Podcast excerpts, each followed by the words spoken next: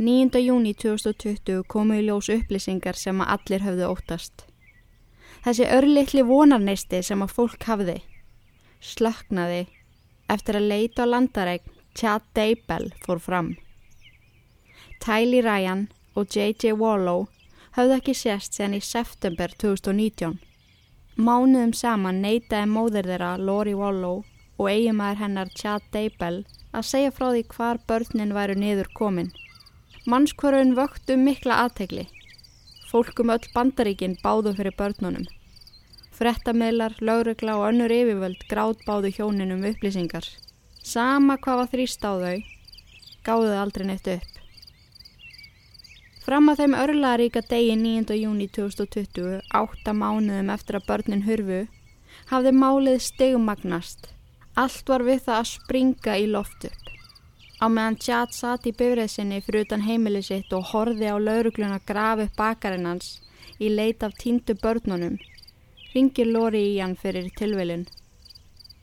Í símtælinu þeirra milli var mikil uppgjöf. Þau vissu að endirinn nálgæðist. Þau vissu nákvæmlega hvað lauruglan átti eftir að finna. Sjónin sem að blasti við, svo grundi í jörðinni, útrýmdi allri þeirri vonum að börnin væru á lífi því að á deipa landareikninni fundust lík tvekja barna, þeirra Taylor og JJ. Þóttu þetta hljómi eins og endir málsins er svo marst á baku þessa átta mánuði, eitthvað sem maður er erfitt að útskýra og skilja. Hvað var það nákvæmlega sem kom börnunum á hann stað? Hvað hafðu Lori og Chad Daybell að fela?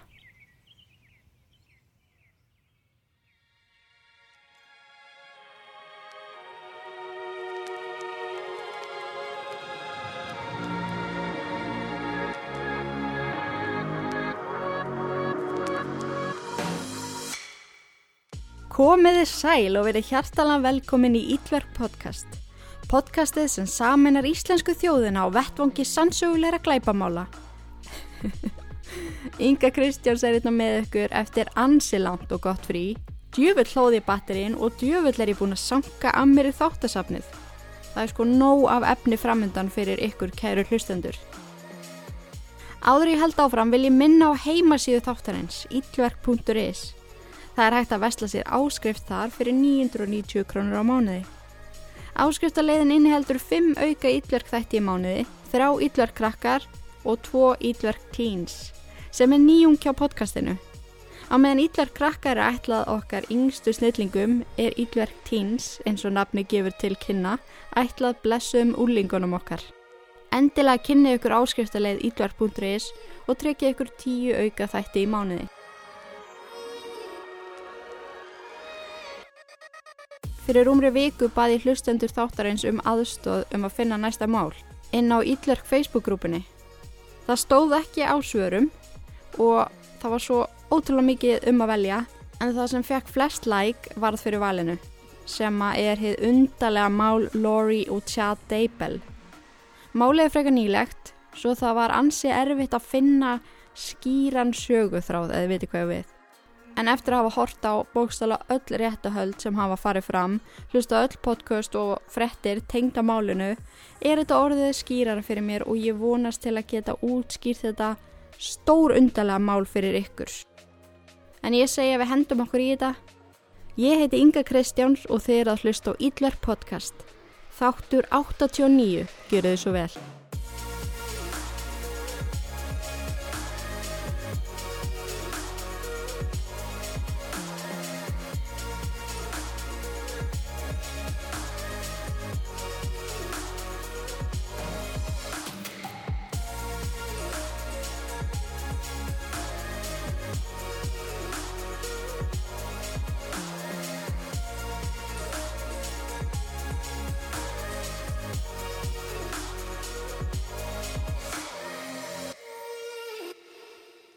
Við skulum byrja á byrjuninni svo að málið meiki sem mestan sens.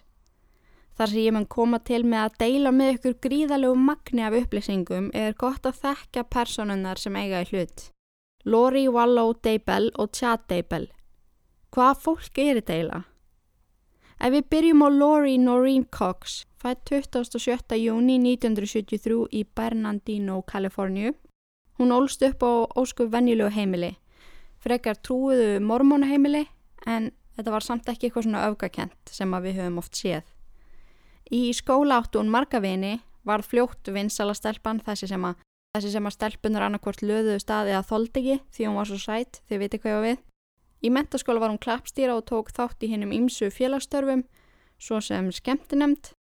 Þannig að við sjáum að Lóri var mikil félagsvera og alltaf umkringt hópa fólki.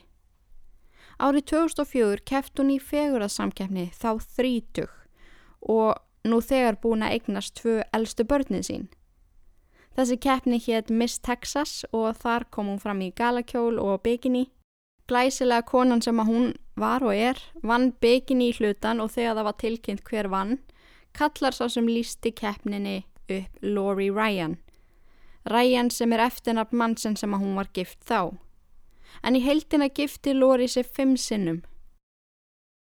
Árið 1992 giftist hún fyrstu ástinni Nelson James þá aðeins 19 ára gömul. Við veitum ekki mikið um það hjónaband nema að þau voru saman í mentaskóla Þau auknuðust ekki bart saman eða neitt svo leiðis og endaði það hjónaband með skilnaði ári setna. Í oktober 1995 giftist hún öðrumanni, William Lagoya, og með honum eignaðist hún fyrsta batni sitt, svon sem að fekk nafnið Colby, en þau skilja svo árið setna. Síðan kynist hún Joseph Ryan og giftist honum árið 2001. Með honum eignast Lori stúlku sem að þau skilðu Tylee. Jósef ætleir Kolby, elsta són Lori, þar sem að fadir hans var ekki mikið inn í myndinni. Lori og Jósef voru gift í fjögur ár en skilja svo árið 2004. Tveim árum síðar, eða árið 2006, þá giftist Lori manninum Charles Wallow. Hann átti tvö börn úr fyrra hjónabandi. Lori átti svo bróður sem hétt Alex Cox. Árið 2017 var hann ákjærður fyrir að ráðast á Joseph Ryan, fyrir um eigimann Lori. Við veitum ekki nákvæmlega af hverju hann gerir það, en við veitum allavega að hann reðast á hann. Hann baði einni í Lori um nýlega mynda á hann ásandi að senda henni postkort og í því stóð. Ég veit að vinum mínum myndi langa að hanga með honum, að sen vinum mínum myndi langa að ráðast á hann. Af hverju er þetta að koma inn í söguna akkurat núna? því að Alex bróði Lori og eftir að spila mjög stóran þátt í söguþræðinum. Auk þess heldur Lori því alltaf fram að hann sé vendari hennar. Svo það er ansi líklegt að Lori hafi fundist Joseph hafa gert sér eitthvað og Alex hafi því fundist hann knúin til að gera eitthvað í því. En ef við snúm okkur aftur á Lori og þáverandi eigimann hennar Charles Wallow, en Charles átti sýstur sem að heitir Kay. Kay og eigimann hennar, Larry Woodcock, eiga són sem var á þessum tíma langt leittur fíknefna neytandi. Þegar það komst í ljós að hann hefði barnað kærustu sína sem var líka djúft sokkinn fíknefna neytandi var ákveða Kay og Larry, amma og afi barsins, myndu takað að sér. Joshua Jackson kemur í heiminn 25. mæ 2012. Þegar hann var átt að vikna gamall er tekið ákverðun um að Lori og Charles ætleiðan sem að þau gera. Hann greinist mjög snemma með einhverfu og allir sem á þekkja fjölskylduna sögða að Joshua Jackson sem að þarna er komið með gælunafni JJ gæti ekki alist upp á betra heimili. Charles og Lori dýrkuðan og veittu honum alla þá aðtegli sem hann þurfti. Áriðið 2014 flytur fjölskyldan til Kauai á Hawaii, sem sagt Charles, Lori, Tylee og JJ. Kolby er þannig fluttur að heiman og ég tala svo aðeins betur um hann og eftir, sérst elsta svonina Lori og börnin sem að Charles átti úr fyrra hjónabandi búa með mömmu sinni. Lori kynntist konu sem heitir Emily á Hawaii og þar verða þannig bestu vinkonur. Þessi tiltækna kona segir frá því setna meir að í lok ársins 2014 verði Lori heldtekinn af ríthöfundinum Chad Daybell en hann er þekktastur fyrir bókaseríuna Standing in Holy Places. Lori gerir ekkert annað en að lesa bækunar hans. Hún kaupið þar einnig fyrir Emil í vingunum sína og segir henni að hún verði að lesa þær þar sem þessi maður skrifar sé algjörlega magnað og breytið í hvernig maður hugsar. og ég kem inn á það betur eftir um hvað hann var nákvæmlega að skrifa. En fyrst vil ég koma aðeins inn á Chad Daybell. Hann er þarna rithöfundur, metsöluhöfundur og var giftur konu sem heitir Tammy. Þau ráku saman fyrirtækið Spring Creek Company sem var bóka útgáð fyrirtæki sem að gaf meðal annars út alla bækunar hans tjat. Saman áttu þau fimm börn og bjófjölskyldan í Springville í Utah. En hvernig rítundur var tjat og af hverju var Lóri svona voðalega hrifin að því sem hann skrifaði? Líkt og Lóri var tjat partur af LDS kirkjunni. En hvað er það nákvæmlega? En meðlimir kirkju Jésu Krist sinna síðari daga heilugu eða mormunarkirkjunar trúa því að söpnuður þeirra sé endurrisin söpnuður sáur Jésús skapaði og aðrir trúarhópar sem að kenna sig við Krist hafi vilst af leið. Mormónar trúa því að Guð sé líkamlega vera sem er giftur og börn. Þeir trúa því einnig að menn geti orðið Guðir eftir döðan.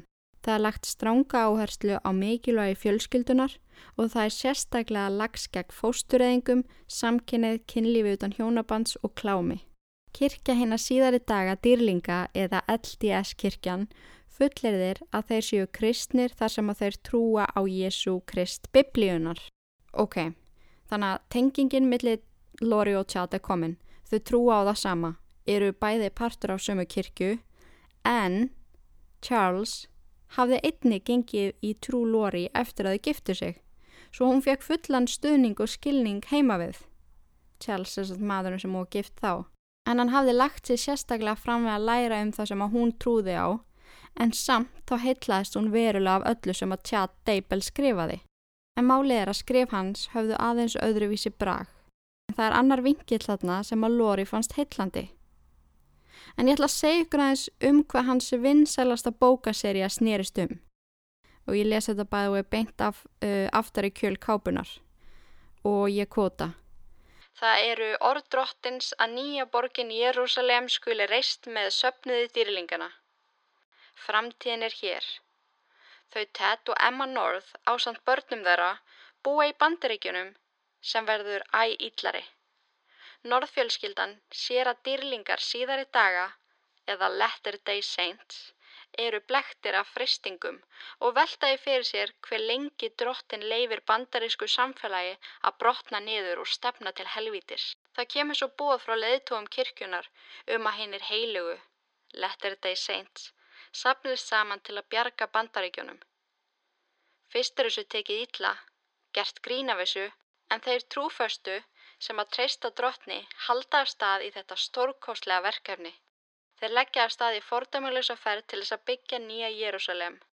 The Great Gathering er fyrsta skaldsagan í bókaseríunni Standing in Holy Places eftir Chad Daybell. Í sögunni dregar hann upp skýra mynd af spennandi spátumum inn í framtíðina. Ef þú hefur áhuga á þeim störfum sem að LDS-kirkjan gerir, ætti þessi bókaseríja að vera á leslistanum þínum. Núna veit ég að mörg ekkar eru pottit að hugsa Ok, boring, thank you next en við verðum að taka þetta meðin í dæmið til að reyna að skilja þetta mál betur því að akkurát þetta skiptir svo miklu máli. En eins og þið heyrið þá er þefur af doomsday eða endalókum alheimsins þarna. Ef að þeir heilugu sapnast ekki saman gegn niðurbróti bandaríkjana mun allt enda og þau munu fara til helvítis. Það sem rennir stóðum undir það að tjata hefur verið nokkuð skonar doomsday prepper eru hlaðvörp sem að hann tók virkan þátt í til dæmis hlaðvarpið Preparing the People podcast en í því er einmitt rætt um endalók alheimsins. Hvernig þú getur undirbúið undir það og hversu mikilvægt það er að standa fastur með trúni sinni og svo leiðis. Og af hverju var honum af öllum bóðið að taka þátt í þessu hlaðvarpi? Það er nefnilega út af því að Chad var settur ákveðin stall þegar það koma þessu málefnum. Hann var fyrir eitthvað stórt nafn Hann segir frá skiptum þar sem að hann var á milli lífs og dauða og þá byrtist honum sínir, framtíðasínir.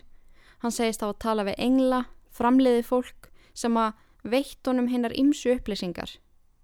Þeir allra trúföstustu þráðu að heyra sögur hans og í þeim hóp var Lori Wallow og eins og ég saði ykkur áðan var hún algjörlega heldtekin af því sem að Tjat skrifaði og sagði.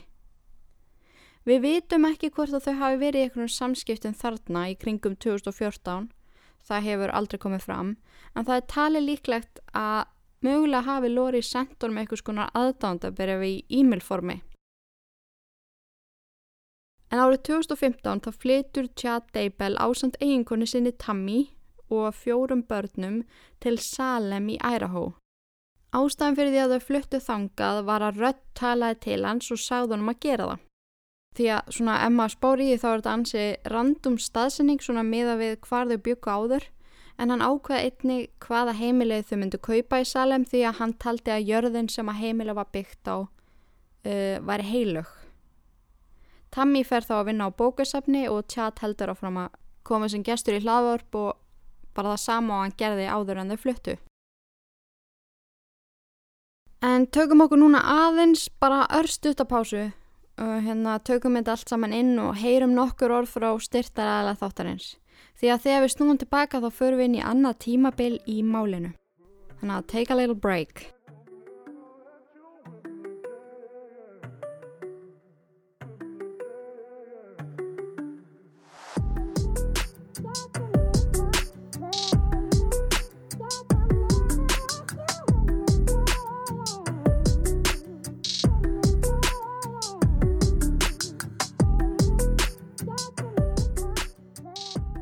Gleðilegt nýtt ár mínar kæru kynverur. Það er orðið ansi langt sen ég talaði síðast við ykkur um blöss.is. En það dásanlega fyrirtæki kemur með okkur sem styrtar aðilið þáttarins inn í nýja árið. Eins og þið vitið er ég alltaf með afslátt að kóða hand ykkur sem veitir ykkur 10% afslátt af öllu siði vestlið ykkur. Hvort sem að það er í falli og búðinni þeirra eða á vefverslun og kóðin er ílverk. En mér langaði að taka smá móment og segja ykkur frá spilinu Sambönd. En þetta er lítill spilastokkur stút fullur af alls konar spurningum og verkefnum fyrir þig og makaðinn. Þú getur spilað þetta klukkutímum saman eða jafnvel dreyð eitt spil á dag. En vá hvað þetta gerir sambandinu gott. Spili farði til að hugsa eins lengra og velta fyrir þér hvað má betur fara og hvað er nú þegar frábært. Hlutir sem maður áða til að gleima eða með tímanum taka sem sjálfsögum hlut. Mikið ofsalega mæl ég mikið með því að þið fjárfestið ykkur í þessu spili og með kóðanum mínum kostar það eins 2690 kall. Renni við í blöss.is, sækja ykkur spilið sambönd, jafnvel Uberloop og vinni í sambandin ykkar á nýju ári. Kóðin Ítlerk veitir ykkur svo 10% afslátt af öllu siðu vestlið. Blöss.is. Takk og bless.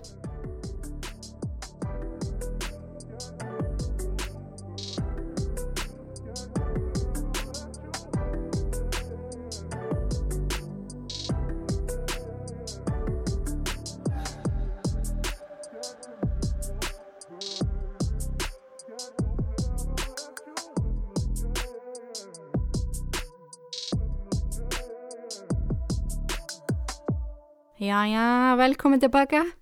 Ég vona að þið séu búin að jafna ykkur í heilanum. Ég veit að þetta er fárlega mikið af nöfnum og upplýsingum en við komumst í gegnum þetta fárlega skrítnamál saman. En núna er janúar á 2017. Lori er búin að vera heldtekinn af skrifum tjat síðan 2014 og eins og ég segði á þann þá veitum við ekki hvort að þau hafi verið í samskiptum þarna en það er samt ansið líklegt. Lori flytti með eigimanni sínum Charles og börnunni sínum Tylee og JJ frá Hawaii til Chandler í Arizona. Í april 2018 deyr fyrverandi eigimaður Lori, Joseph Ryan. Dánarorsökin var hjartáfall. Þessar upplýsingar munu verða skrítnari því lengri sem að líður á málið. Því miður þá var líkan sprent svo að var ekki þetta krifjan sem að hefði 100% átt að hafa verið gert því að það er talið ansi ólíklegt að hann hafi fengið hjartáfall sí svona. Rifjum það líka upp að bróður Lori, Alex Cox, var ákerðu fyrir að ráðast á Joseph ítrekkað. En 5. desember 2018, átta mánuðum eftir að Joseph deyr, sjást Lori og Chad Daybell í fyrsta skipti ofinberlega saman. En þau eru saman í þættinum Prepare People podcast, muniði þetta sem snýst um Doomsday Prep. 19. janúar 2019 sækir Charles Wallow um skilnað við Lori. Ástæðan fyrir því hann skildi við hana var svo að hún hótaði ítrekka að drepa hann. Hún hjælti fram að hún var í guði mannsmynd og stál 35.000 dólarum frá fyrirtækinans. Hún sagði orðrétt við hann og þetta er til í laurugluskíslunum. Ég er ummynduð ódöðileg vera, send af guði til að leiða þá 1440.000 mennsku guðin í næsta árþúsund og væri að undirbúa sig undir endur komu guðs. Þetta var hún að segja við hann. Þetta er, þetta er alveg virkilega skrítið og Charles fannst þetta líka skrítið og hann var skítrættu við hana. Tökum eftir því að þetta er minna en mánuði eftir að hún sást fyrst ofinberlega með Chad Daybell. Nokkrum dögum eftir að Charles sækir um skilnað eða þann 31. janúar 2019 flýgur Charles frá Houston til Arizona en hann hafði sérstaklega verið í vinnuferð. Lori kanselaði flögin hans heim og fór upp á flugvöll og tók bílinn hans sem hann hefði geimtar á meðan hann var á ferðinni. Þegar Charles komst loksins heim, neyta Lori að hleypa honum inn á heimileðra og neytur honum að sjá börnin. Hann ringi þá í laurugluna sem að hittir hann neðist í götunni þeirra. Lauruglumærin sem að mætti á svæðið var með bodycam og tók því upp allt samtalið. En við skulum heyra nokkra hlutir sem fóru á milli Charles og lauruglumannsins. Ég útskýri svo inn á milli hvað er að fara fram. So what's going on tonight? I can't get in touch with my, my kids, How old are your kids? six and a half and 16. Okay. Um, How long have you been trying? two days. Okay. But she, she's lost her mind. I, I, I, I don't know how else to say it. We're LDS. She thinks she's a resurrected being and a, and a, a God and mem- member of the 144,000. She's come. Jesus is coming next year. She took all the money out of her bank account today. My truck has gone from the airport. She went to the airport and got it. So what makes her a danger to herself and to She's others? threatened me, murder me, kill me. She threatened to murder you? Yes. Yesterday was a threat to kill me. Okay. What to what did she say yesterday? She said, "You're not Charles. I don't know who you are, what you did with Charles, but I can murder you now with my powers." Okay. Okay. All right. Says you're gonna. I'm gonna kill you too. I'm gonna. Uh, yesterday was I'm So she's kill you." speaking as a spiritual being. Is, has, is this is this just all recent or has it been going on? Been going on for about four or five years. It's gotten really, really bad lately. She goes to the temple every day and speaks with Moroni and Jesus Christ. So how does she pose a threat to your children? I don't know what she's gonna do with them. I don't know if she's gonna flee with them. She's gonna hurt them Flew back today, mm-hmm, tonight. tonight. She canceled my flight. She came to the airport, took my truck. We got a service dog in there, beautiful dog. My daughter's in the front window right there So let me ask you this: When you came back, why didn't you just go to the home? Because she told me not to come near it. All my stuff is gone. Okay. I'm not stupid. She could have done anything. okay. I thought this would be the best way to do it. With what she's gone through and what Gabe witnessed with me on the phone today, I thought it was best to have her.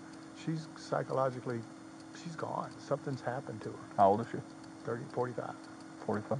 And you said this has been going on for like four years? Well, it's to an extent, but it's gotten really bad the last several months. And I've been trying to ignore it because hoping it'll get better. Is she on any medications? No, No. she won't do medications. She's Okay. a, Has she been to a she's- doctor? no, she won't go to the doctor because she's a translated being, and they would find out that she's translated. She cannot be killed. She cannot die. And that's what she thinks. Yes. Okay. She And said she's that. been telling you that. Yes, and, and Gabe too. Okay. He heard this, not just me. This isn't coming. I'm, I love her to death. This is killing me, officer. Well, I can understand. I, I, our 13th anniversary is next month. We've been at a great marriage. All of a sudden, the last month just blew up. hmm She just lost connection. She said that she would murder you through a spiritual, No, she said, I can murder you. I can murder you, it- and she's it- talking in a spirit- I will kill you. spiritual. No, she's talking physically. I will kill you because you're not Charles, and nobody will care. Okay. So she, she at this point doesn't think you are her husband? She thinks I'm Nick Schneider. Who's Mick Schneider? I have no idea. It's Okay. the name she used. I don't know where it came from. Okay. I just, I'm just like, I'm as bewildered as you are. This is so foreign to me. Normal people, as far as I'm concerned, but you know, uh, this happens. It just drives me. I don't know what to do. I need help, and she needs help. Uh, She needs help. Eins og þið heyrið er Charles algjörlega lost. Hann skilur ekkert hvað er í gangi. Hann segir lauruglumanninum hversu mikið Lori hefur hrakað síðustu mánuði þá sérstaklega síðustu fjórar vikur. Eins og hann segir orðrétt. She's gone. She has lost her mind. Hún tæmdi bankareikningin hans, faldi alla likla, aflýsti flögin hans aftur heim og tók bílin hans. Hann útskýri hversu gott hjónaband þeirra var. 13 ára brúðkausamælið þeirra nálgæðist rætt og hann skildi ekki hvað var eiginlega að koma fyrir konun hans. Af hverju hún talaði við hann eins og hún væri einhvers konar æðri vera. Cars are all gone. She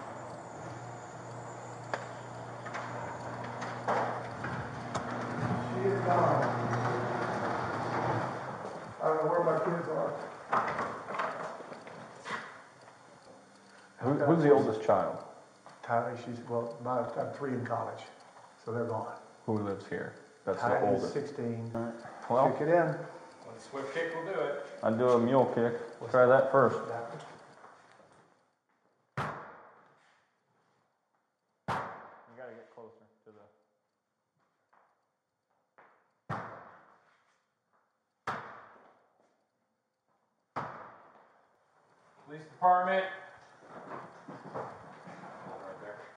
Í klippunni sem þið heyrðu hérna náði Charles að brjótast inn á heimili sitt á samt lauruglinni. Þeir fara vel yfir öll herbyggi en enginn er inn á heimilinu, hvorki Lori nefbörnin þeirra tvö, JJ og Tylee.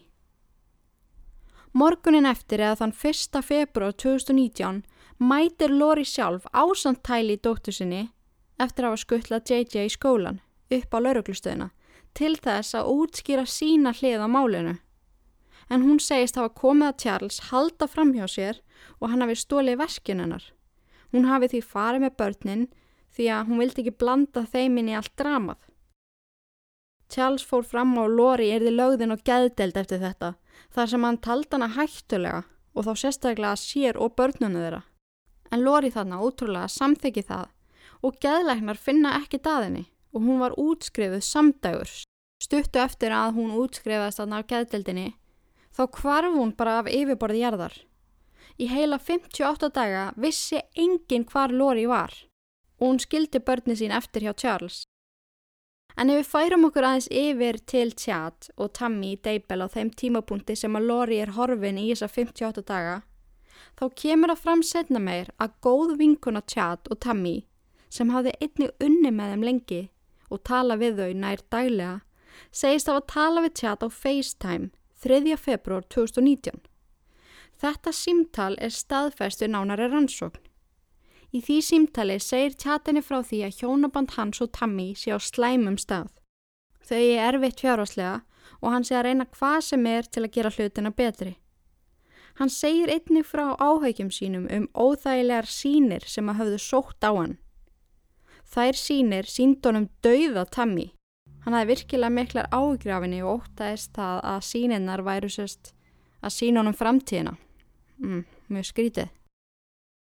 Í mars 2019 eftir að Lori byrtist aftur heima á sér eftir þessa 58 daga fjárveru þá neytar hún að segja frá því hvar hún hafi verið. En mér þykir ansi líklegt að tjat hafi vitað það. En í júni 2019 þá flytur Franka Lori, Melanie, með eigimanni sínum Brandon inn á heimili Lori. Það er ekki vita nákvæmlega af hverju hún flutti en það virðist sem svo að Melanie hafi verið ansi áhugasum um trú frængu sinnar. Þar sem hún kom og var með henni í nokkur um dúmstegi hlaðvastáttum. Þótt að Brandon, eigimaður Melanie, væri ekki með sömu trúalegu skoðun, þá taldan hjónabandir að vera mjög gott og traust og það hafði ekkert komið upp á sem að undirbjón undir það sem koma skildi, sem var skilnaður, og þá aðeins tveim vikum eftir að þau fluttu inn til Lori. Melanie var algjörlega heldtekinn af LDS-kirkjunni og Doomsday. Lori hafði einni komið henni inn á það að lesa það sem Chad Deibel skrifaði, bókin sem að ég saði eitthvað til dæmis frá áðan. Brian sem var í algjöru losti sá þetta svo engan veginn koma. Hann krafiði eiginkonu sínum svör af hverju hún vildi að þau færu í sikkur áttina og hann fekk engin svör. En honum þótti mikill köllt þefur af þessu. En þetta er í fyrsta skipti sem að orðið köllt kemur upp í þessu máli. Við skulum hafa það bak við eirað. Melanie flyttur svo frá Lori eftir skilnaðin við Brandon og leiði sér íbúð í nágrenninu. En þarna eru Lori og Charles endala skilin og þetta er þá fjórða hjónaband Lori. Charles borgar undir Lori og börnin þeirra tvö heimili í Chandler í Arizona. Þann 11. júli 2019 keirir Charles til Chandler í Arizona í þeim tilgangi að skuttla JJ í skólan og líklegast til að fá að eigða smá tíma með honum. Þeirra mætir eru Lori, krakkarna þeirra og Alex Cox, bróði Lori heima. En Alex hafði gist á heimilinu þessa nótt. Rúmum hálf tíma síðar ringir Alex í laurugluna eftir að hafa skotið Charles til bana. Hann segist að hafa gert það í sjálfsvörð. En við skulum heyra 911 símtalið, en ég mun svo útskýra það eftir á. Fire department, what is the address of the emergency? 5531 South Four Peaks.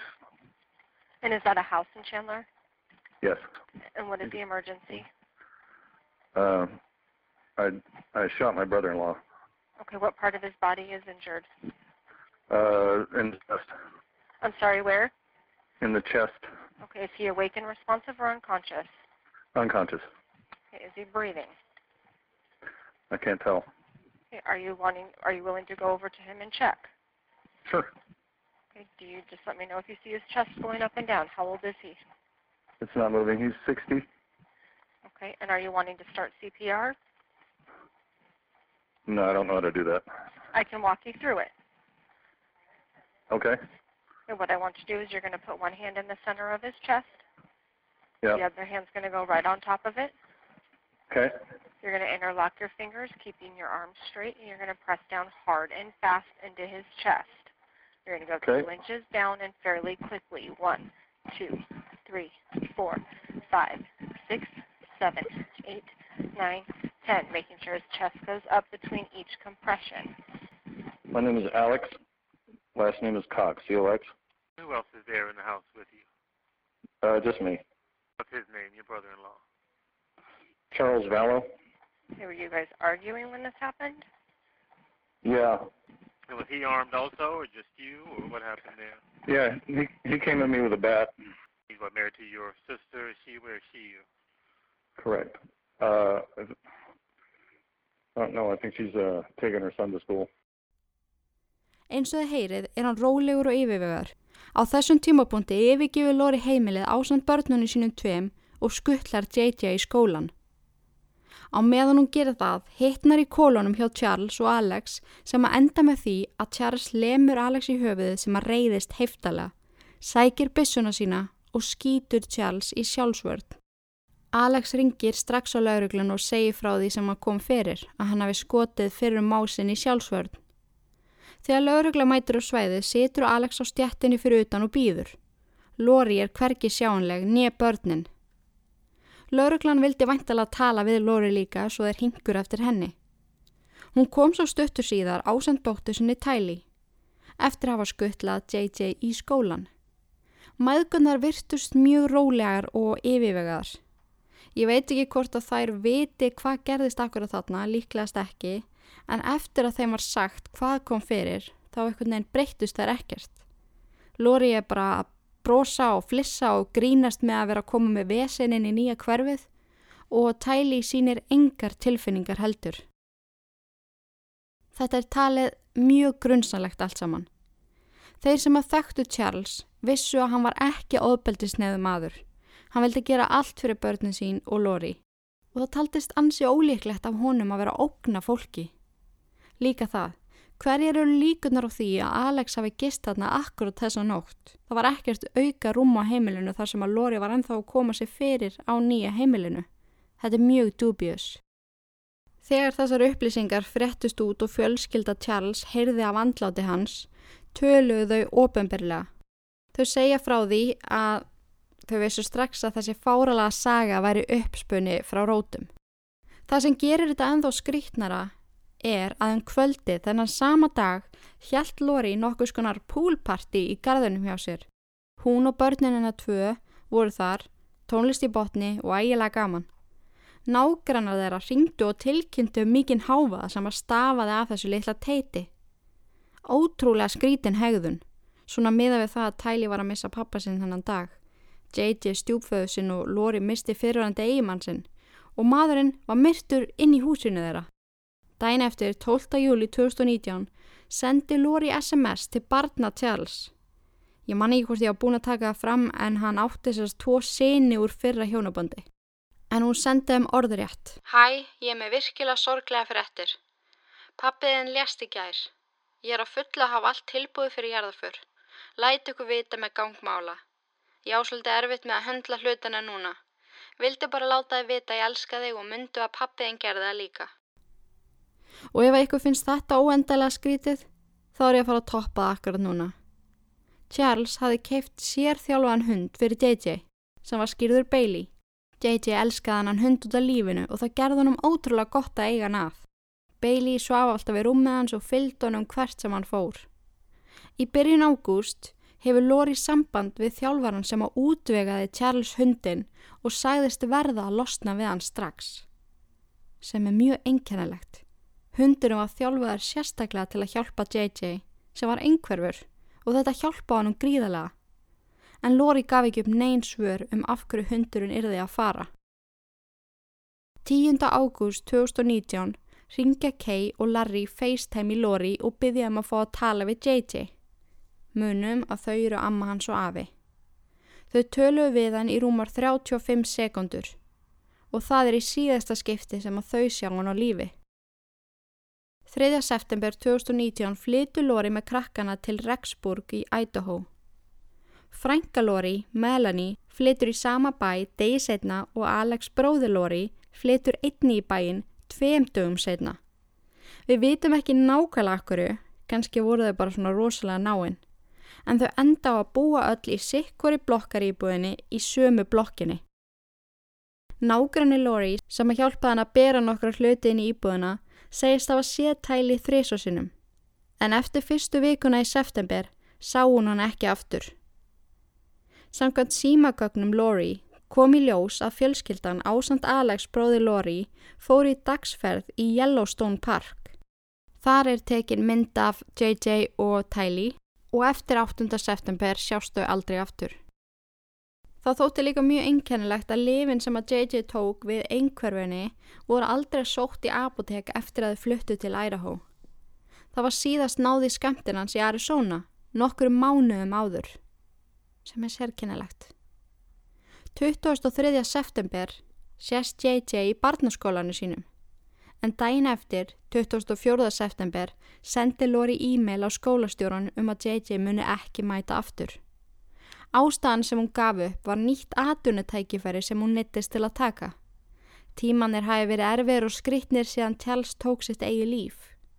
Já, hún sagði að hann hefði framið sjálfsvík, ekki að hann hefði verið myrstur. Hún verði að þykja atunutækifærið og flytja í burtu með krakkana. 1. oktober 2019 sækir Lori um leigu á geimslu hjá Resbori Plus. Þar sést hún á myndavelum fara í heildina nýju ferðir á samt manni sem að er talin vera bróður hennar Alex. Þau hjálpast við að bera barnaleikfung, hjól og hlaupahjól og fleira inn í geimsluna. Eitthvað sem að virtist vera í eigu krakkana. Í loka oktober sést Lori fara inn í geimsluna tviðsar í viðbútt. Einu sinni með Alex og svo í annarskipti með manni sem að þekktist ekki í fljótu bregði. Þau brösuðu við að bera virkilega þungan kassa inn í geimsluna og það sést vel á upptökunni að þau áttu virkilega erfitt með að halda á þessum kassa að sína á milli. Margir haldaði fram á óþekti maðurinn sem að fór með henni þangað inn hafi verið Chad Daybell. Annan november 2019 munar hárspreitt á að Brandon fyrirrandi maður Melanie, Franka Lori, hafi verið skotin í höfuðið. Hann steig út á bílnu sínu með innkesslunni, var bara minding his own business og hann finnur eitthvað skjótast fram hjá eiran á sér og smalla rúðuna í bílun sínum. Sá sem skaut brunaði burtu af vettvangi. Brandon sá ekki gerandan en það sem hann sá var bílinn og hann þekkti vel þennan græna pick-up bíl. En þetta var bílinn hans Charles Wallow sem var myrtur 11. júli. Svo hver í fjandanum var á bílnum hans og hver vildi drepa hann? Fyrst var talið að Alex Cox, bróði Lori, hafi ekki bílnum, en það var afsannað eftir að Alex og Lori sáist saman á öryggisbindavilum á sama tíma á skotára sem átti sér stað. Svo við vitum ekki hver gerði þetta. En Brandon sem var fyrstur til að nefna orðið köld í þessu máli, ótaðist það að hann væri á ykkur skona lista og hann væri næstur. Öll þessi döðsföll gáttu ekki verið tilvilun. Það var ekki mikið meira gert úr þessu þar sem að bílinn fannst ekki og það var ekki hægt að sanna neitt. En setna meir getur maður ekki annað en velti fyrir sér hvort þetta gæti að verið rétt hjá honum. 9. oktober 2019 lendi Tammy Daybell eiginkona tjat í svipuðu atviki. Hún ringir á neyðalínuna eftir að grímuklættur einstaklingur skauti áttaðinni og hljópsau í burtu. Spáði því og hún sér svo þannig græna bíl aftur. Og það er aftur ekki að gera því bílinn finnst ekki og það fattar enginn hver þetta geti mögulega verið og það er ekki að sanna neitt. 12. oktober er virknin á bankareikning Tæli en það fer fram millifærsla á eldri bróðurinnar Kolby. Með millifærslunni fylgja stutt skilaboð We love you. 16. oktober er afturvirkni nema engin millifærsla fyrir gegn, heldur er einungi sendt hjarta í skilabóðum til hans. Og, by the way, þannig var ekki búið sjást til tæli síðan 8. september. 19. oktober 2019, tíu dögum eftir að Tammy Daybell varð fyrir skotarás, deyr hún skindila í svefni. Andlátt hennar var talið vera af náttúrulegum ástæðum. What? Tjad segir að hún hefði fengið mjög slemt kvef og hósta mikið um kvöldið. Hann segir svo orðrétt. Hennar tími var komin. Hann þver tók svo fyrir það að líkanar er þið kröfið. Ok, eru þið tilbúin í enþá skrítnar upplýsingar? Ég er að segja að þetta mál er óendanlegt. Tveim vikum eftir að Tammy deyr, þann 5. oktober 2019, gifta Lori og Chad sig á Hawaii. Ég er ekki eins og smá að grínast. Þegar Chad segir fjölskyldunni sinni, fóröldru sínum og svona frettinnar, tekur hann það fram að Lori eigi engin börn. 27. november 2019 fyrir laurugla á heimili Lori og Chad Daybell, en Kay og Larry hafðu beði lauruglu um að aðtóa með JJ þar sem að þau hafðu ekkert síðan ég heyrt frá honum síðan í byrjun september. Þessi velferðar eftirleitsferð var tekin upp á bodycam hjá lauruglunni. Lori tekur á mótaðum og heldur því fram að JJ sé hjá vinkurni sinni í Arizona. Hlustum á það sem hún hafði að segja við lauruglu, þetta er magnadæmi.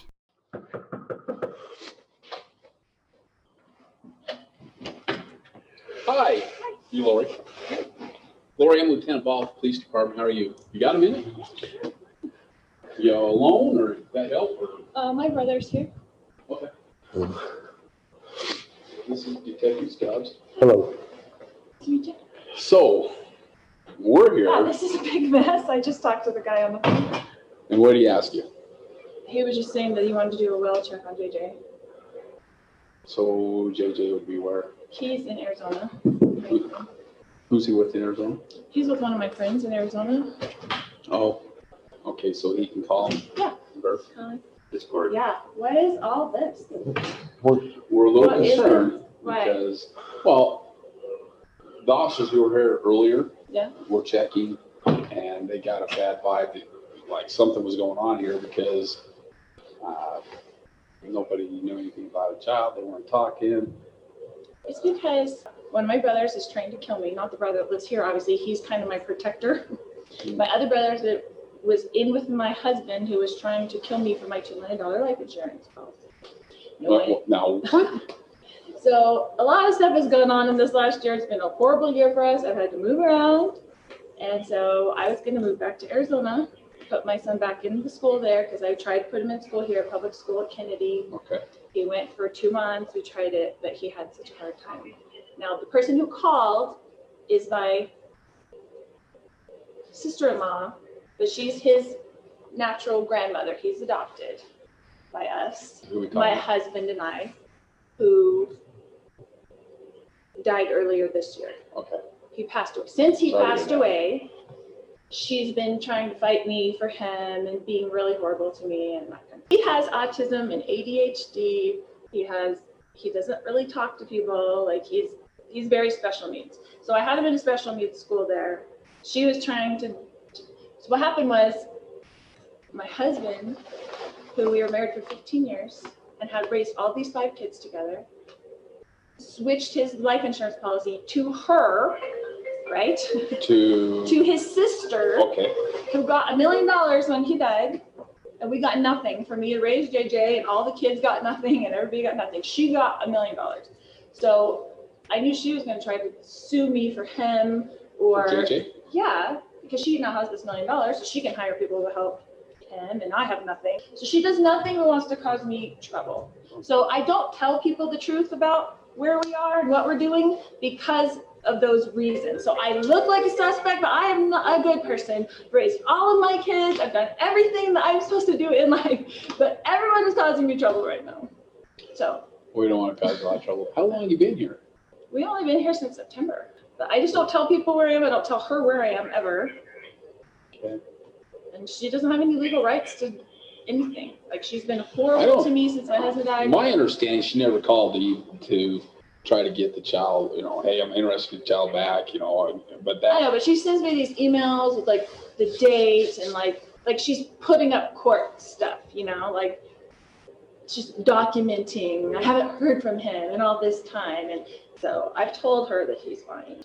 What am I doing? Looking for me, and I just don't want to be found. So have you had problems? Because I think we've only had, my bro- well, the reason I'm moving is because the brother that was going to kill me, that we found emails and texts with my ex husband, my husband at the time, came showing up here. So he found out where I was, and he was knocking on my door. okay, we'll get out of here. Safe you. Thank you. Thank you. See ya. Nú er ég búin að fara ansi vel yfir hvert einasta smáatrið sem ég finnum þetta fólk, en aldrei hef ég heyrt um að Lóri sé í hættu og að bróður hennar ætla að drepa hana. Þetta er svo skrítið. Lörglan hver hana þarna getur ekkert meira gert og segist alltaf að ringja í vinkonu hennar og aðtóa með JJ. Þegar það næst ekki samband við þessa tilteknu vinkonu, fara þær aftur á heimilið Lóri Lori? Hi, Lori, sorry to bother you again. We're, we're, uh, we're having, Melanie. getting a hold of your friend down there, Um, Mel- Melanie. Well, they were going to Frozen 2 today, so they may be at the movie. spyrja hvort að hún getur hringt núna þar sem að vinkonan svaraði þeim ekki. Þá segir hún, að já, hún ætlaði náttúrulega með honum í bíó Frozen 2. Þau eru öruglega í bíó núna. En eins og ég segi, lauruglan getur ekkert gert þarna, ég get ekki handtekið hana eða eitthvað svoleiðis. Morgunin eftir þá nær Lórei í vinkonu sína og byður hana um að bakka upp söguna um að JJ sé hjá henni. Byður hana að taka mynda af random barni til að sína svo þeir haldi að JJ sé þar. Þegar vinkonan spyr, þú veist, why? Segir hún að JJ sé hættu. Hún sé að reyna að venda hann og geta ekki sagt henni hvar hann er í raun og veru. Tíu dögum setna ringir vinkonan aftur í Lori. Hún var búin að hugsa mikið um þetta símtal. Hún var með virkilega miklar áhyggjur af JJ. Hún ákveður að taka upp símtalið sem hún átti við Lori og Chad. Og við skulum hlusta það saman.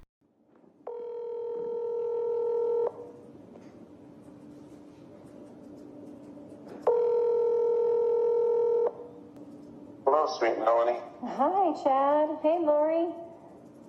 How Hey, are let me put on speaker. Oh, okay. All right. We're enough with the phone.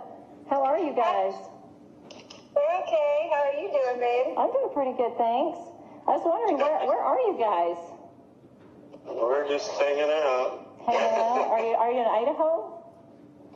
We're hanging out in Idaho. Oh, okay. Um, I just wanted to ask you a question, if you don't mind, Lori. Yeah, of Um, course, honey. I want to know, um, you remember we talked about JJ going to Kay's house, and you told me they went there, and now he's not there? I was wondering what happened. I had to move him somewhere else because of her actions.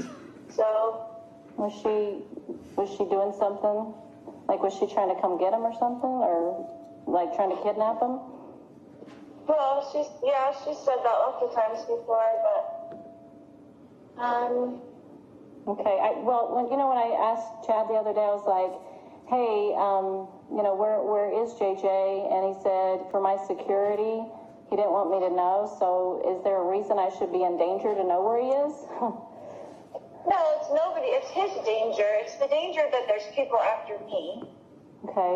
to keep him protected and And keep you protected. and keep everybody else I appreciate that. Um, well, I was wondering why you told the police why he was with me.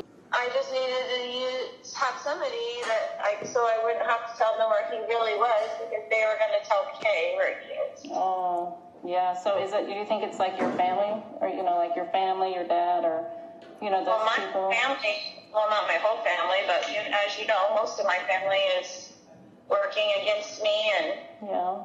with her, basically. Yeah. Is JJ safe? He is safe and happy. Okay, well that's good to hear. Um, are you afraid of anything? Like, are you afraid to tell me that you're just afraid that he, um, that I could be in danger? Like you're, you know, like I don't, like if I knew, like how could that hurt me? I don't understand how that could hurt me if I knew where he was. Well, I'm just not telling anybody so that nobody has to say where he is or get questioned to where he is so I can keep him as safe as possible. Yeah. Um, okay. I hope. Well, I hope that he's okay. I hope you guys are okay. I did have a question. I asked Al at one point, your brother, um, if um, if I wanted to know, you know, um, like where he was, and he said I did not want to know, and that he could not be found. So what does that mean? I don't know why he would say that, but it's the same story. Like I, I, want, I, I don't even want Al to know. I don't want anybody to know, so that nobody has to be worried about it. I mean, nobody has to be Yeah. Questioned about it, so he can be safe. Yeah, so are you, I mean, are you, how, how long are you going to be away for? Like, how, I mean, are you ever going to be able to come out and come back to society again? Or are you going to keep, you know, like, come back? I mean, like, what does that look like? I will do whatever the Lord needs me to do every day, so we'll. I just wondered if I was ever going to see you again. Absolutely, you will. Okay, so, so maybe when they're done chasing you, you'll be able to come out of, able to come out again, or? Yeah, I mean, it's a ridiculous thing for them to be working with Kay to find me. There's nothing that's gone on that's, you know what I'm saying? Like they're working with her in some dark capacity. The police are working with her in some dark capacity. There's no reason for them to be after me Uh-huh. in the first place. Hmm. Yeah, has she has she threatened you at all? Yes, lots of times. Oh boy, like she, what did she say? Well, it's in emails and everything. So Hmm. So like she said she was gonna come take him, or she was there's a lot of things, yeah. Nellie. Well, I know it sounds like it. I'm just worried for you guys because you know he's missing, and you know. I know exactly where he is. He's perfectly fine and happy. I promise you that I have done nothing wrong in this case, but sometimes you have to hide in the cavity of a rock for your own life safety. And that's what the Lord requires of you sometimes. And that's how it is. And I'm sorry that's how it is because there is a lot of darkness on the earth. I know. That's been after me for zero reason besides the darkness of Kay, which you already know she's dark. I, I, I haven't met her enough to know if she's dark or not. I've just met her slightly, and she seemed like a normal kind of person. But then I haven't engaged with her that much, so I don't know that personally. So you don't know about her changing the thing to for herself to be the beneficiary of the policy and all that stuff. None of that's dark, right? Well, I haven't seen those documents, so I have no way of knowing. You've seen them on my computer. No, I have not. I haven't even looked in on your computer before. You haven't shown me anything. I don't know why you're being controversial to me or if you're recording this conversation for the police or whatever. I don't know what your intention is on this phone call. Well, but I love with all my heart and I have forever. And I will always. I appreciate those words, but if you really loved me, you wouldn't have told the police that I had JJ with me. That's not that's not what a friend does. I mean, that just makes me look weird, and it, it just it's not safe for me. That doesn't look good. I mean, you had to think of my welfare if you love me.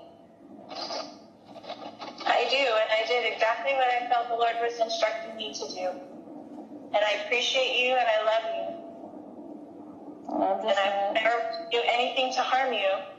And you can have all of this confirmed to you by the Lord.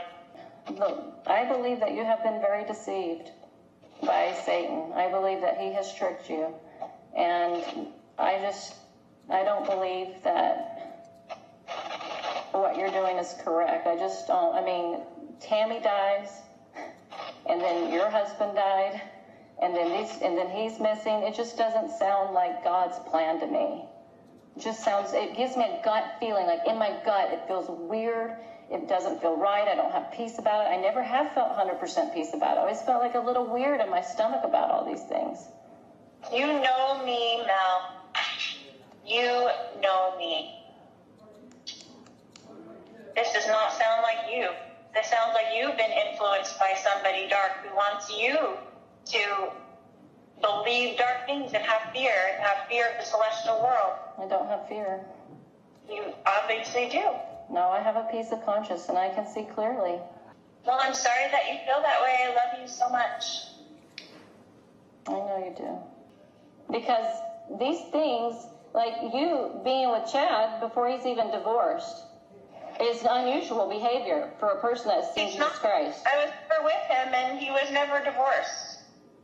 Honey, I've seen you That's guys together. That's you dating. Oh, oh, so I haven't ever seen you with, I've never seen you with Chad kiss him and walk around the track at BYU with him. I never saw that. You See, stand you're the one that's just feeling guilty about being with someone before they were divorced. Oh, honey, I think that's not what we're talking about here. Wait, it's not what we're talking about here. That's what I'm saying. You are going off the deep end. That Well, I'm just saying, this is not a behavior of someone that sees Jesus Christ. It's not the behavior. really. Have you ever seen Jesus Christ? So do you know what the future behavior would be if you had seen Jesus Christ? I know that when I, I know that when I prayed. Lord asks me to do every day, and He does protect me, and He is protecting me, and He will protect me against this accusation as well. And we will both stand there with Him, and you tell me if I was lying or not. But we're both standing there with Jesus Christ. Okay. En þarna kemur það ansið skýrt fram að JJ var aldrei hjá vinkonunni. Lori og Chad báðu hann að ljúa. Þau haldaði samt statt og stöðt fram að þau viti nákvæmlega hvar hann sé. Hann sé örugur, en þau geti samt ekki sagt hvar hann er, því annars geti hann verið í hættu. 7. desember fyrir vinkonan sem tók upp símtalið við Lori og Chad með upptökun upp á lauruglustöð og afhendur hana þar. Segir að sé eitthvað stórfurðulegt í gangi og það verði að aðtögu þetta strax. Þegar lauruglan fer svo heimili Lori og Chad eru þau hverki sjáanleg. Og það var reynd í marga daga að finna hvar þau voru. Það sást svo til þeirra á Hawaii eða sást til Lori á leiðinni frá Spy á hótelinu sem að þau gistu á. Börnin voru ekki með þeim og staffið sem hafði afgreitt þau tjekkaðu inn og svona sögðu að aldrei hafi sérst neyn börn með þeim í för. 12. desember 2019 finnst bróðir hennar Lori, Alex Cox, látin á baðherbyggisgölfinu heima á sér. Hvað er að kerast? 20. desember 2019 eru Tylee og JJ skráð sem tínd börn og almenningur beðin um aðstóð við leitin að þeim. 3. janúar 2020 fyrir laurugla á heimili Chad Deibel með leitarheimild. Þar finnast 43 hlutir sem voru teknir til frekari rannsóknar. Ími skjöl, e-mail, tölfur, símar og fleira. 5. janúar, eða tveim dögum setna, postar Colby, elsti sonur Lori, YouTube-vídeói. Í því grátt byður hann mömmu sína um að laga ástandið. Hún sé svo eina sem hafi völdin til þess. Þið getið hlusta á þetta vídeo og ykkur langar þá skrifið bara Colby Wallow á YouTube, hann er mjög myndalegur, bara að segja. 7. janúar 2020 halda Kay og Larry, sérst Afi og Amma JJ, bladamannafund þar sem að þau bjóða fram 20.000 dollara í fundalögn fyrir þann sem getur varpa ljósi á gangmála og komið börnunum örugum heim. 25. janúar 2020 er gefið Lori 5 daga til að sína fram á það að JJ og Taylor sé á lífi og örug. Fyrir ykkur sem hefur ekkert að fela ætti það ekki að vera mikið vandamál. 27. janúar 2020, daginn eftir, er leitað í bíl Lori og Chad og þar finnast fæðingavottorð begja barnana, kreditkortið hennar Tylee og iPadin hans JJ, skóladótið þeirra og dót sem að maður reikna með því að þau noti nær daglega. Kanski ekki fæðingavottorðin en þau voru allavega aðna. 30. janúar 2020 rann út frestu Lori til þess að sína fram á að börnin sé í lægi og málið stegmagnast. Ég er að segja ykkur það, allt springur. Fólk er orðið verulega reitt og aðrir fjölskyldumælimir reyna að finna út hvað sé mögulega að gerast. Kay Woodcock, amma JJ og sýstir Charles fyrir viðtal þá sem að koma fram nýjar upplýsingar sem að gætu mögulega varpa ljósi á gangmála. Hann að búi til ástæði fyrir því að Lori gæti mögulega að gert eitthvað glæpsanlegt. En hún segi frá því að áður en Charles dó hafi hann breytt erðaskráni sinni og teki Lori út af henni því hann treyst henn ekki og hann færði alla sínar eigur og fjárhægi yfir á sýstu sinna Kay. Og ef við hugsaum þetta aðeins, þá tekur Loriða fram þegar lauruglan kemur á heimileginar til þess að framkvæma velferða eftirlitið á JJ, þá nefnir hún það að sýstur hans hafi fengið allt og hún hafi verið skilin eftir með ekki neitt til að ala JJ upp. Lori hafi einni ringt í tryggingastofnum fjórum dögum eftir andlað Charles og aðtöða hvernig hún geti nálgast peningana og þá hafi verið gert henni ljósta hún fengi ekkert. Ok, peningar, við höfum oft séð þá brengla fólk, en þarna er allavega komið eitthvað ákveðið mótif. Þann 20. februar var Lori Wallow handtekinn fyrir vannrækslu og krafist 5 miljón dólar að tryggingafess. Tjad gekk samt um sem frálsmaður áfram, en ekki mikið lengur. Fljótlega komuðu gögn í ljós sem áttu eftir að leiða rannsóknina áfram. Þar sem að Alex Cox er talin hafa verið með þeim síðustu sem sáu Taylor og JJ á lífi var ákveðið að rekja ferðir hans í gegnum síman hans. Það var líka að viðkennast að aðild hans í lífi Lori var stórfyrðuleg. Hvernig hann skauð Charles, hvernig hann var eitthvað neina alltaf aðna og hvernig hann lest svo skyndila. Ferður hans frá því hann var með Lori, Taylor og JJ í Yellowstone garðinum voru ræktar til Rexburg, Idaho. Það var svo engin virkni þar til næsta dag, en um átta morgunin eftir fer hann yfir til sýstu sinnar. 21 mínútu yfir nýju pingar sími næst á landareik Chad Daybell. 21 mínútu yfir nýju pingar símin hans á landareik Chad Daybell. Fyrsta eldröða flaggið. Gerum okkur grein fyrir því að enginn vissi að Lori og Chad væri að hittast. Þetta var í kringum 10. september 2019 en Tammy, eiginkona Chad, deyr ekki fyrir en mánuðu síðar. Þetta var ekki vitað þá en þetta er komið upp á yfirborðið núna. En rétt eftir Alex Cox, bróðir Lori, var farin af landaræk Daybell, rúmum tveim og hálfum klukkutíma síðar, sendir Chad eiginkoni sinni Tammy SMS og í því stóð. Ekki kipaður upp við það að það sé komið ný gröf í dýrakirkjugarðin, en í bakgarðinum á heimilegðra voru hinn ímsu gæludýr sem að börnið þeirra hafði átti gegnum tíðina grafin. Já, hann segir ekki kippaður upp við það, ég skauð tvotabjörn í morgun sem var að vesenast í garðinum, skemmtilegu dagur hjá mér og ég gróðan þarna. Þannig, í fyrsta lagi, hvað var Alex að gera þarna?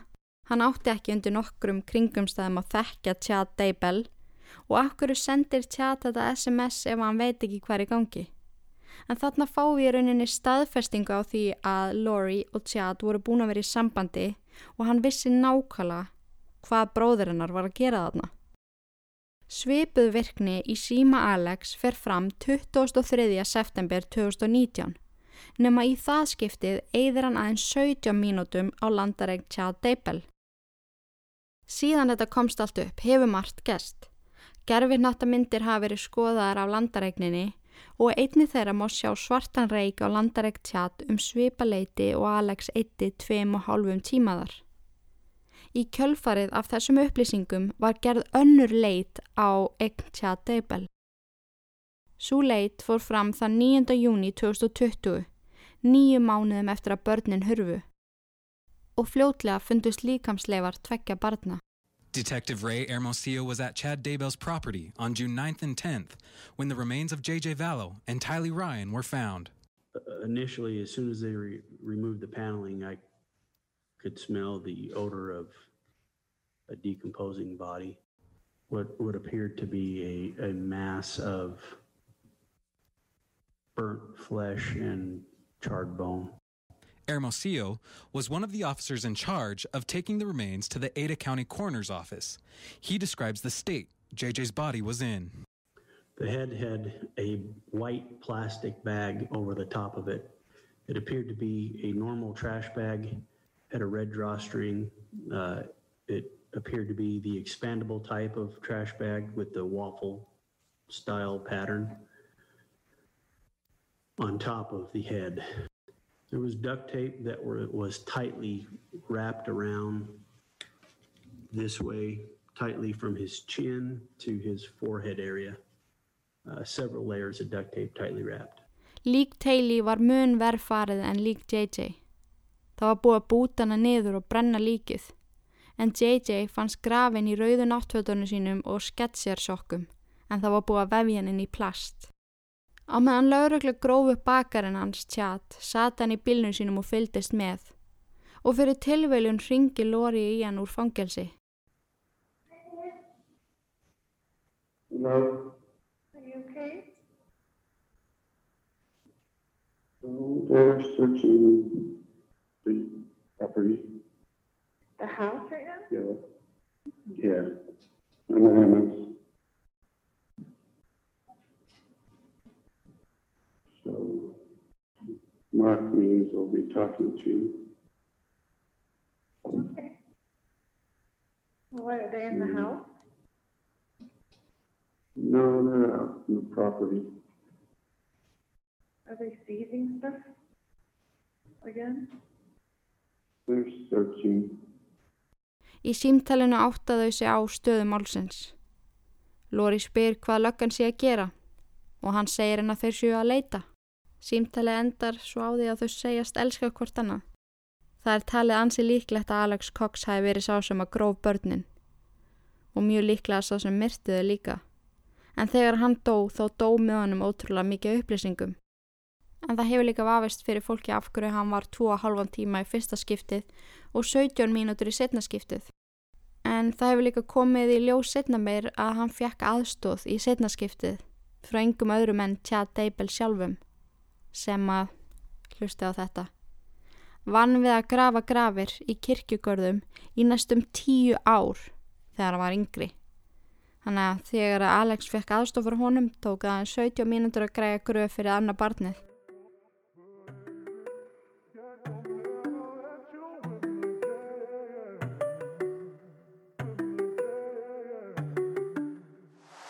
Við erum ennþá að býða eftir almennilegri stöðu í málið. Lori og Chad eru í fangelsi en þau segja ekkert og enginn veit neitt. Það er svo mikið að undarlegum döðsföllum í kringu þau. Tímasetningarnar eru fáralegar. Hvernig Tammy, konan hans Chad dó og hann gifti sér tveim veikum síðar. Þetta er allt svo skrítið. En það er ansi augljóst að þau þekktust lengur en þau gefa til kynna. Hvort að þau hafi komið sér saman um eitthvað plan hvort að þau væru hinn útvöldu og þyrstu að útrýma fólki eða bjarga því með því að drepa það, við vitum það ekki. En margir sem að hafa komist út úr svona kvöld svo þekkja til segja gríðarlegan kvöld þef af þessu. En það eina sem að við getum gert er að fylgjast með, býða eftir að þau fáið dóm. En það er allt saman ennþá í vinslu. Það er líka verið að býða eftir nýðustöðum úr krupningu Tammy Daybell sem að fjagst loksins í gegn. Ég get allan að lofa ykkur því að þið fáið update um leið og ég sé eitthvað nýtt. Ég vona allavega að ég hafi náða þetta fyrir ykkur. Vó, kannski, rugg, kannski rugglaði ég ykkur bara ennþá meir í rýminu. Þetta er náttúrulega ekkert eðlilega mikið af nöfnum, tengslum og upplýsingum. En þú veist, hugurinn gildir, ég reyndi. Ég vona að ég hafi freka náða að skýra þetta fyrir ykkur heldur en að ruggla ykkur meira í rýminu. Ég vil minna ykkur að lokum á ítverk.is áskriftaleiðina ef ykkur langar í meira efni frá mér. Annars þakka ég ykkur kærlega fyrir að hlusta. Takk fyrir að vera til og í guðanabænum forðist öll ítverk. Nema þetta podcast. Verið sæl.